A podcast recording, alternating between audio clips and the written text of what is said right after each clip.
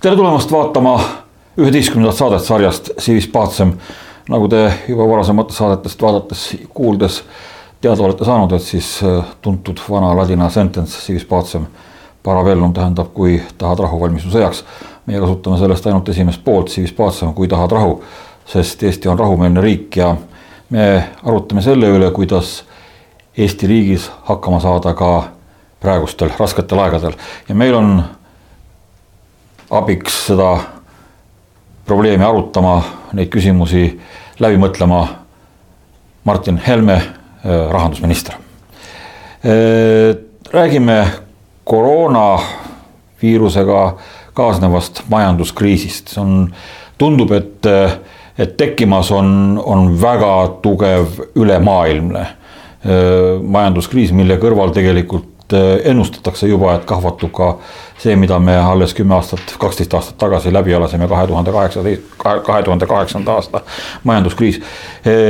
millise perspektiiviga nüüd rahandusminister nendele asjadele vaatab? ma kõigepealt võib-olla sissejuhatuseks ütleks seda, et saate pealkiri tahad rahu, valmistu sõjaks. minu silmis võitlus koroonaviirusega on sisuliselt sõjaseisukord. See on noh, kõikidest normaalsetest tingimustest väljaspool olev tegevus ja, ja nõuab erakorralist äh, lähenemist, kastist välja mõtlemist, kiiret reageerimist, otsustavust ja nõuab leppimist sellega, et suurema kahju ärahoidmiseks tuleb vahetevahel võtta sisse väiksem kahju. et äh, kui me siin võrdleme kahe tuhande kaheksanda, üheksanda aasta majanduskriisiga, äh, siis ta on äh, tegelikult ikkagi mitte võrreldav. Äh, kui nüüd majandusterminites rääkida, siis sellepärast, et äh, tavaliselt on majanduskriisi põhjuseks noh, üks kahest või üks kolmest, kas on nõudluspoole ärakukkumine ehk siis inimesed ei osta enam asju, on pakkumispoole ärakukkumine, noh näiteks naftakriis seitsmekümnendatel, kui sul mingi kaup eh, turult kadus ära ja sellel oli ahelreaktsioon muule majandusele. või on krediidi ärakukkumine, noh, mis on ka pakkumise ärakukkumine siis eh, lihtsalt spetsiifiliselt, mis puudutab väga laia eh, ülejäänud majanduse toimimist. antud juhul meil on kõik kolm korraga meil nõudlust ei ole enam, sest inimesed ei käi enam poes ja väga hea, et ei käi enam poes. me kindlasti jõuame selleni, kui kaua me sedasi saame ja peame. meil on pakkumispoole ärakukkumine, sest et tootmine on ära kukkunud, tarneahelad Hiinast on ära kukkunud ja meil on krediidi poolel samamoodi tegelikult probleem juba. nii et meil on täiuslik torm majanduslikus mõttes ja, ja kui võrrelda seda, missugune on selle mõju majandusele, siis ma pigem võrdleks seda noh, eufemistlikult öeldes siis geopoliitilise äkksündmusega või geopoliitilise riski äh, realiseerumisega, mis tegelikult ongi siis julgeolekukriis.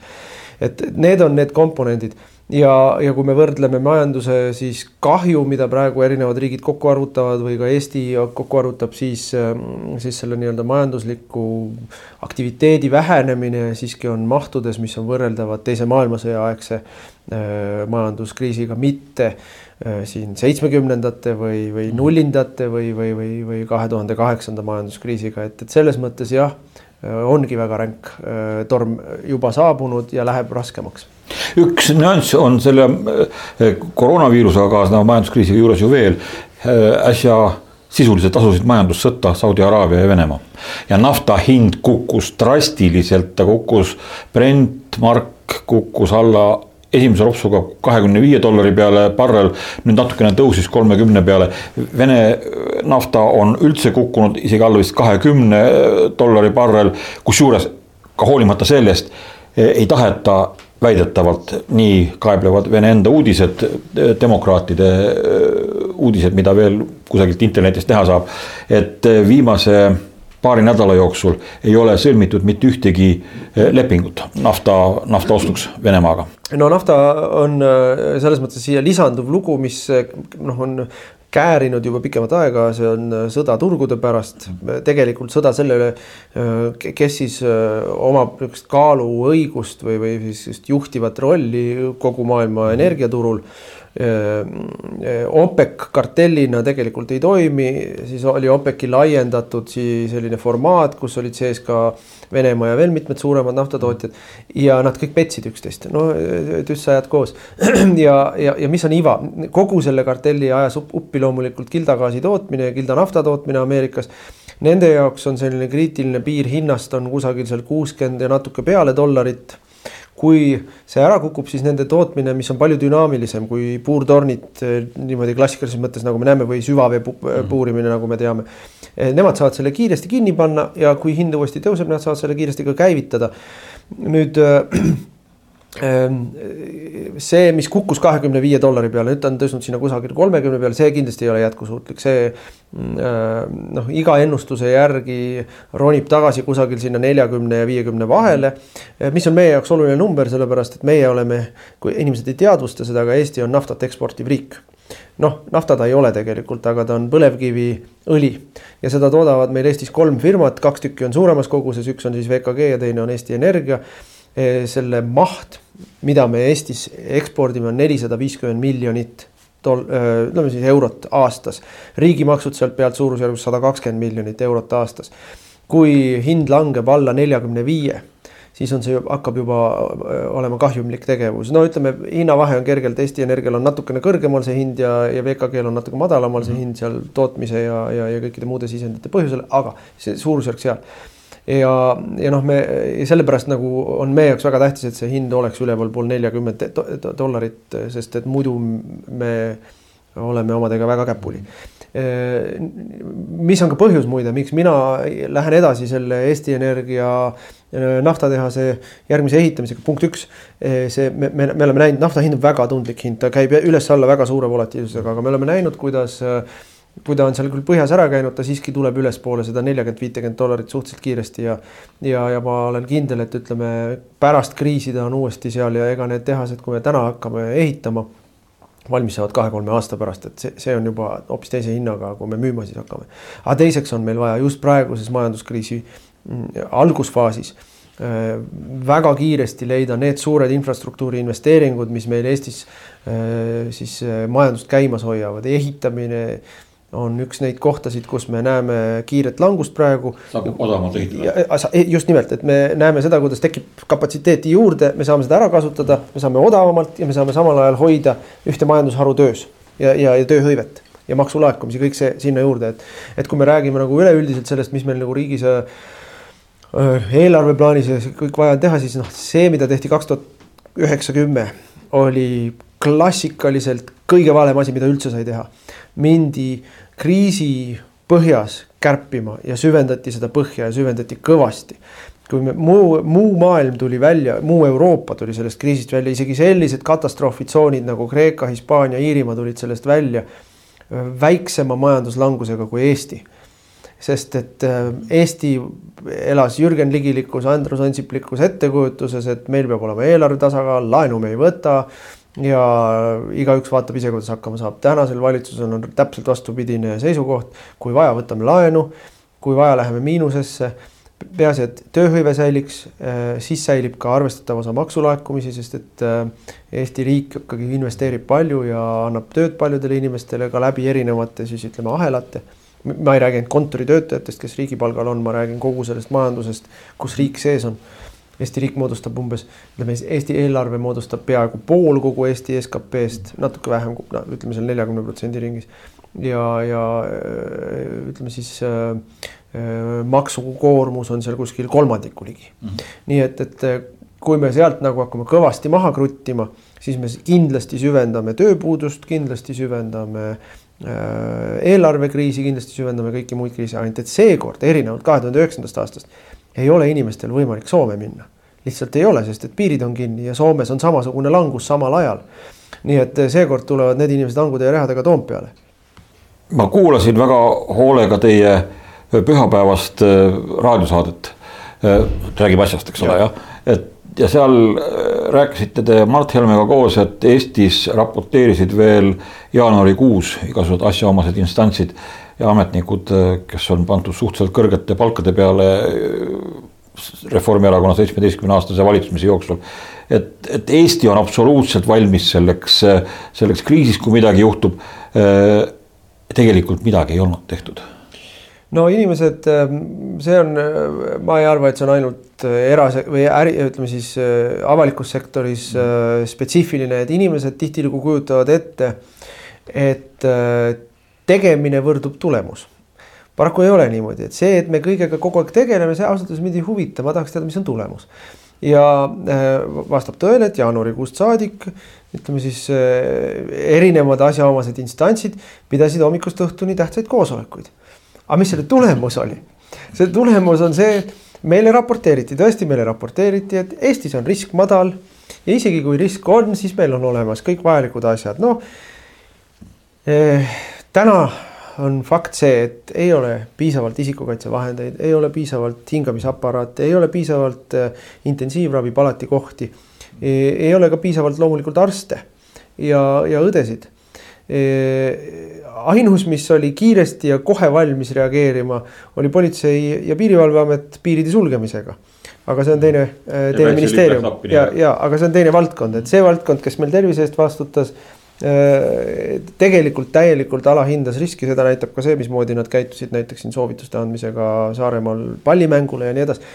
ehk siis ähm, äh, noh, ma ütleks niimoodi, et me saame ju kõik äh, andeks anda, et ajakirjanik või ka suvaline poliitik ei oska, ei peagi oskama lugeda uudiseid Hiinast aga selle valdkonna eest vastutavad inimesed peavad oskama lugeda uudiseid Hiinast, peavad selle info kätte võtma, seda kriitiliselt hindama, tegema riski eh, risk, ohuanalüüsid ja selle tooma siis eh, kõigepealt poliitikutele ja loomulikult ka avalikkusele et, et noh, siin see asi ei ole kahjuks toiminud. Inglisekeelne ja venekeelne informatsioon oli kogu aeg saadav, ma saan aru, et meil ei ole seal hiina keele tõlke ja nii edasi ja nii edasi.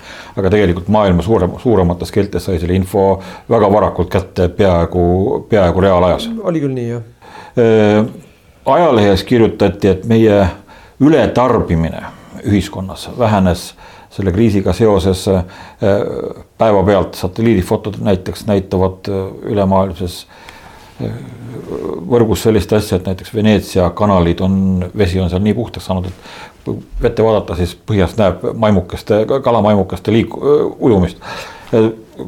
kuidas selle asjaga nüüd on, et, et kas, kas meie ressursid äh, mis meil siin Eestimaal on, eh, paranevad ka selle võrra, et, eh, et see kriis on nüüd praegusel hetkel nii tugevaks läinud, et täna ju pandi uus korraldus anti riigi poolt, et, et käi ainult paaris kahekaupa ja nii edasi ja nii edasi. kui meil siin kolmas inimene saates oleks, siis me juba rikuks reegleid. just, just. kuidas selle asjaga on? Eh, no mina ei ole seda meelt, et me peame vastandama majandustegevust ja keskkonnahoidu. Eh, minu kindel eh, arusaamine on see-eest, et kapitalistlik ja turumajanduslik süsteem koostoimes demokraatiaga. et tõstame siis Hiina kõrvale kohe, et seal on põhimõtteliselt ju kapitalistliku süsteemi sellised põhielemendid olemas, aga demokraatiat ei ole. on kõige parem viis keskkonnahoidu edendada, et sisul on olemas vahendid, innovatsioon ja poliitiline tahe keskkonnahoidu edendada, et ja ma, ja ma, ja ma teen selge vahe vahele keskkonnahoiule ja kliimamuutustele, et kliima on mhm. midagi, millega no noh, ütleme, ma arvan, et praeguses olukorras on päris hea nagu seda äh, tähelepanu juhtida, et inimesed kujutavad siiralt ette, et nad, neil õnnestub kliima äh,, kliimat suunata, aga näe, me ei saa hakkama äh, siin äh, ühe viiruse pidurdamisega üle riigipiiride.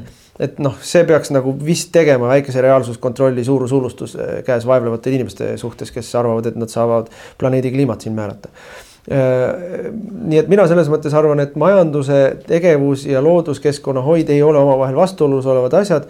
Eh, need on igasugune majandustegevus, igasugune inimtegevus on mõju ka looduskeskkonnale. ja see keskkond noh selle tagajärjel muutub, aga me ei pea seda muutust alati ju halvaks äh, kuulutama.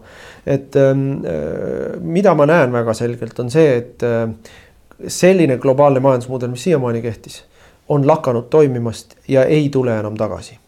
ega ka keskajal toimus ju rahvusvaheline kaubandus, lihtsalt kogused ja, ja kiirused ja noh, mahud ja selle majanduse toimimise mudel oli teine, et ikka tulid vürtsid idast ja ja klaas tuli Veneetsia, Veneetsiast ja nii edasi ja ilus kangas tuli kuskilt Prantsusmaalt ja nii edasi, aga, aga ta ei olnud massi, massikaup ja, ja põhitootmine toimus sul kohapeal lähe, lähiümbruses ja sa olid nii-öelda iseennast äh, ära toitev ja, ja kattev. ja, ja noh, üks asi, millega me oleme siin valitsuse kriisikomisjonis tegelenud nüüd mitmeid päevi järjest, on see, et äh, jah, loomulikult vaatame, kas õnnestub saada vajalikke masinaid, maske ja muid asju, ravimeid, teste Hiinast või Tšehhist või Ameerikast või Inglismaalt või Saksamaalt. aga samal ajal vaatame, kas Eestis on võimalus seda toota. muuhulgas on meil võimalus ka ravimeid Eestis toota, meil on võimalus Eestis toota teste, meil on võimalik Eestis toota maske isikukaitsevahendeid, kõike seda on võimalik Eestis toota. jah, hind on kallim kui Hiinas kui Hiinast konteineriga tuues. aga muide, Hiinast kauba hind on tõusnud ühe nädalaga sajakordseks, sajakordseks. Mm.. et nüüd võib-olla on meil juba mõttekas koha peal seda toota nii et, et see kindlasti majandusmudel on muutunud, anname tööd enda ettevõtetele, anname tööd enda inimestele. ja ärme muretse selle pärast, kas see kaup, mida me tellisime Hiinast, mis tuleb lennukiga kuhugi Kesk-Euroopasse ja sealt rongi või rekkaga Eestisse ja vahepeal Tšehhi ja Poola rekvireerivad selle. et noh, jätame selle kõrvale, teeme ise, on meil siinsamas naaber, naabermaakonnas ja jõuab meie kõigini ja veel müüme kõigile, sest et kõigil on puudus kuidas selle asjaga on, kas noh, me oleme küll võib-olla liiga väikesed selle jaoks Eestis siin, et, et, et kellelegi mingit nõu väga suurt anda. kas maailma suur business, äh, kasumiahned ärimehed tegid äh, omal ajal valesti, et nad kogu tootmise kippusid nendesse odavatesse riikidesse, umbes nagu Hiina üle viima, kas nüüd tekib siis vastupidine vool või? ja juba on tekkinud ja tegid küll valesti, see öö, oli, oli nii geostrateegiliselt kui ka majanduslikult noh, ülimalt riskantne ja nüüd need riskid on realiseerunud. see on nii poliitiline risk kui majanduslik risk, need mõlemad riskid on realiseerunud ja kõik on käpuli ja kõik on käpuli ja ma arvan, et seda ohtu üritatakse eh, nüüd korrigeerida, see tuleb lihtsalt väga valusa hinnaga. nii et äh, ju see kaubandus muutub äh, regionaalsemaks, loomulikult me ei liigu sellisesse maailma, feodaalsesse maailma tagasi, kus kõik toodeti koha peal, eks ole, ja kui ei toodetud, siis elasidki, õppisid elama ilma.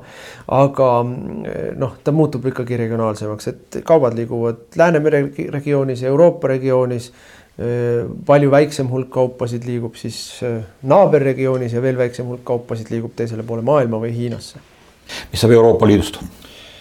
no Euroopa Liit on äh, organisatsioon, mis ei ole ei poliitiliselt ega majanduslikult valmis äh, taolise kriisiga tegelikult toime tulema e,. siin eile otsustati, et äh, kurikuulus Euroopa stabiil-, stabiliseerimismehhanism ehk siis see, mida meie tunneme siis nii-öelda Kreeka abipaketi laenumehhanismina. et see käivitatakse ja kõik riigid saavad sealt nüüd raha laenata. ja äh, miks ma sellele vastu ei olnud, on väga lihtne põhjus Jürgen Ligi viis üks koma kaks miljardit ära sinna, ma toon umbes pool sellest tagasi siis. et äh, muidu on niimoodi, et kõik laenavad, me ei saa midagi ja, ja siis me oleme selle täissumma kirjutanud nagu maha. loomulikult see on laen, vähemalt praegu räägivad kõik sellest, et laenu maksame ka tagasi.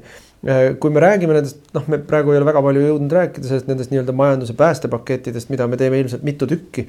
et kust see raha tuleb siis vastus on selles, et see raha tuleb kahest kohast, esiteks me laename seda raha ja, ja osaliselt maksame siis selle kindlasti üsna väikese ajaga tagasi, no räägime siin kolme või viie aastaga. võib-olla mõned laenud on pikemad, siin kümme-viisteist aastat. aga väga suur osa sellest laenust tuleb lihtsalt Frankfurdi trükipressist ja, ja, ja kui me praegu seda raha ei võta ja ei kasuta, siis me oleme täielikud idioodid kui pressist raha, trükipressist raha tuleb, see tähendab ju seda ka, et, et raha kaotab oma väärtust. Äh, pikas plaanis loomulikult jah, see äh,, aga ärme unusta, et seda raha on trükitud kümme aastat juba. seda on trükkinud mitte ainult eurooplased, vaid ka britid, jaapanlased, ameeriklased e,. ja raha ise ei ole oma väärtust kaotanud äh,, aga meil on, me, me näeme mingisuguseid absurdseid mulle küll aktsiaturgudel, kaupade turgudel, et noh, ta, ta, ta tekitab loomulikult ebanormaalsuseid ja moonutusi ja see on üks suur risk, mis meil selle puhkenud majanduskriisi juures võib realiseeruda, on need, et, et need ebanormaalsused ja need riskid, mis on nüüd süsteemi sisse ehitatud viimase kümne aastaga, olles siis üritatud lahendada eelmise majanduskriisi mõjusid. nüüd noh, realiseeruvad jälle, lendavad vastu taevast, et mis, mis kindlasti halvendab seda pilti jälle. et noh, see on, me siin üritati ikkagi tegelikult ju tati ja traadiga ja, ja, ja, ja võlusõnadega seda senist globaalset majandusmudelit, mis kümme aastat tagasi jooksis juba karidele, käimas hoida. nüüd on ta jooksnud veel palju tõsisematele karidele ja, ja kõik need meetmed, mis vahepeal on tehtud, nende nii-öelda asümmeetrilised riskid või, või kõik need nii-öelda miinuspooled, mida noh, kõik vaikselt lootsid, et noh, me suudame hoida kuidagi kontrolli all. no nüüd tulevad meid kummitama. sa just vihjasid sellele, et, et toimub väga suur muutus Euroopa poliitilises ja, ja majanduslikus sisearhitektuuris, aga ma olen lugenud poliitikavaatlejaid ja analüütikuid, kes ütlevad, et, et tekivad üldse uued riikide grupid, kes omavad täiesti uusi liitlassuhteid, noh, me oleme siin ka teatud mõttes nagu võib-olla praegu veel täpselt aru ju ei saa, mismoodi selle Poola äh, piiride täieliku sulgemisega, noh, kujutame endale ette, millist häält oleks teinud Poola, kui meie oleksime pannud Poola rekad näiteks äh, Eesti piirile seisma.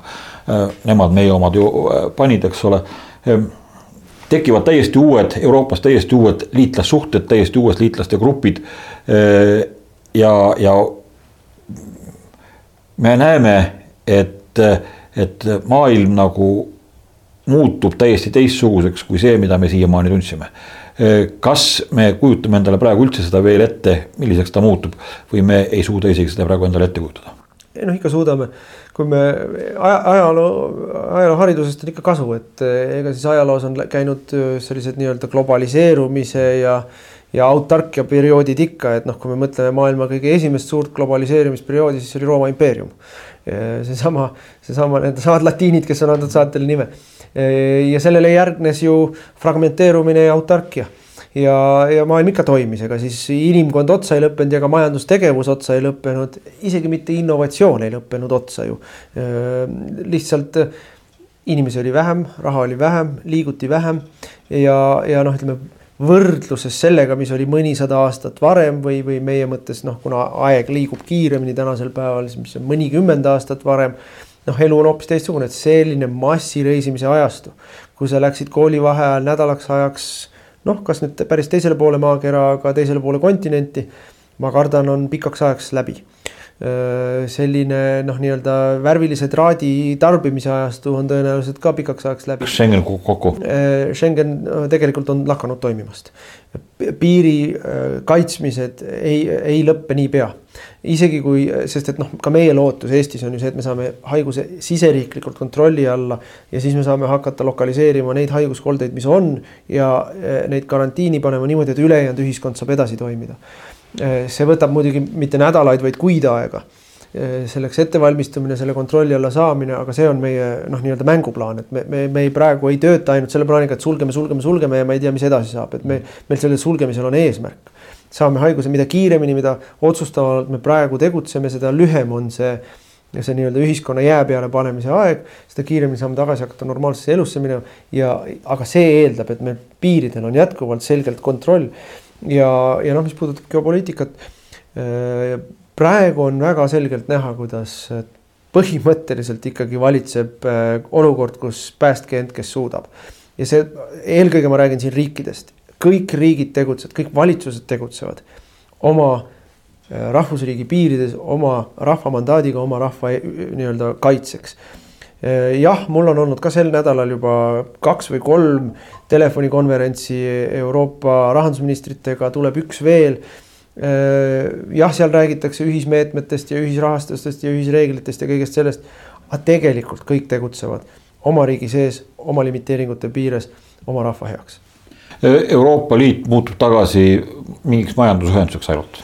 Seda on täna väga raske ennustada, mida Euroopa, mis, missugune areng on edasi Euroopas, et kuhu suunas ta üldse läheb või, või, või, või, või mismoodi edaspidi hakatakse üldse Euroopas asju ajama, et kui see majanduskriis läheb väga pikaks ja väga sügavaks, siis ma näen väga selgelt riski, et euro valuutana ei toimi enam ja, ja noh, sellisel juhul noh, mis sealt edasi saab. noh, see, see, see kõik on, kaotab igasuguse kontrolli alt, läheb välja. kas me oleme valmis oma valuuta uuesti tagasi, krooni tagasi tooma? no ma arvan, et psühholoogiliselt praegu veel mitte, aga, aga tegelikult ma arvan, et me ei tohiks seda pidada tabuteemaks. millised on Eesti üldse, Eesti huvid kogu selles hiigelsuures mängus või kuidas me suudame oma huvisid kaitsta, sa rääkisid, et, et on mitu paketti, mida te valitsuses ette valmistate. ja ütlesid ka seda, et, et tegemist on peaaegu et sõjaseisukorraga. et äh, sõjas on niimoodi, et rindel ei ole mitte ainult üks kaevikute liin, vaid selle taga kümne kilomeetri pärast on järgmine, veel kümne kilomeetri pärast on järgmine.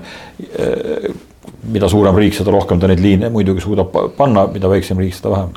ja no strateegilist sügavust on Eestil vähe, äh, ka majanduslikus mõttes mis on meie eesmärk, mis on meie esmane eesmärk, on hoida nakatumiste arv nii väike kui võimalik, suuta neid, kes on haigestunud äh,, ravida. et arstiabisüsteem oleks võimeline sellega toime tulema.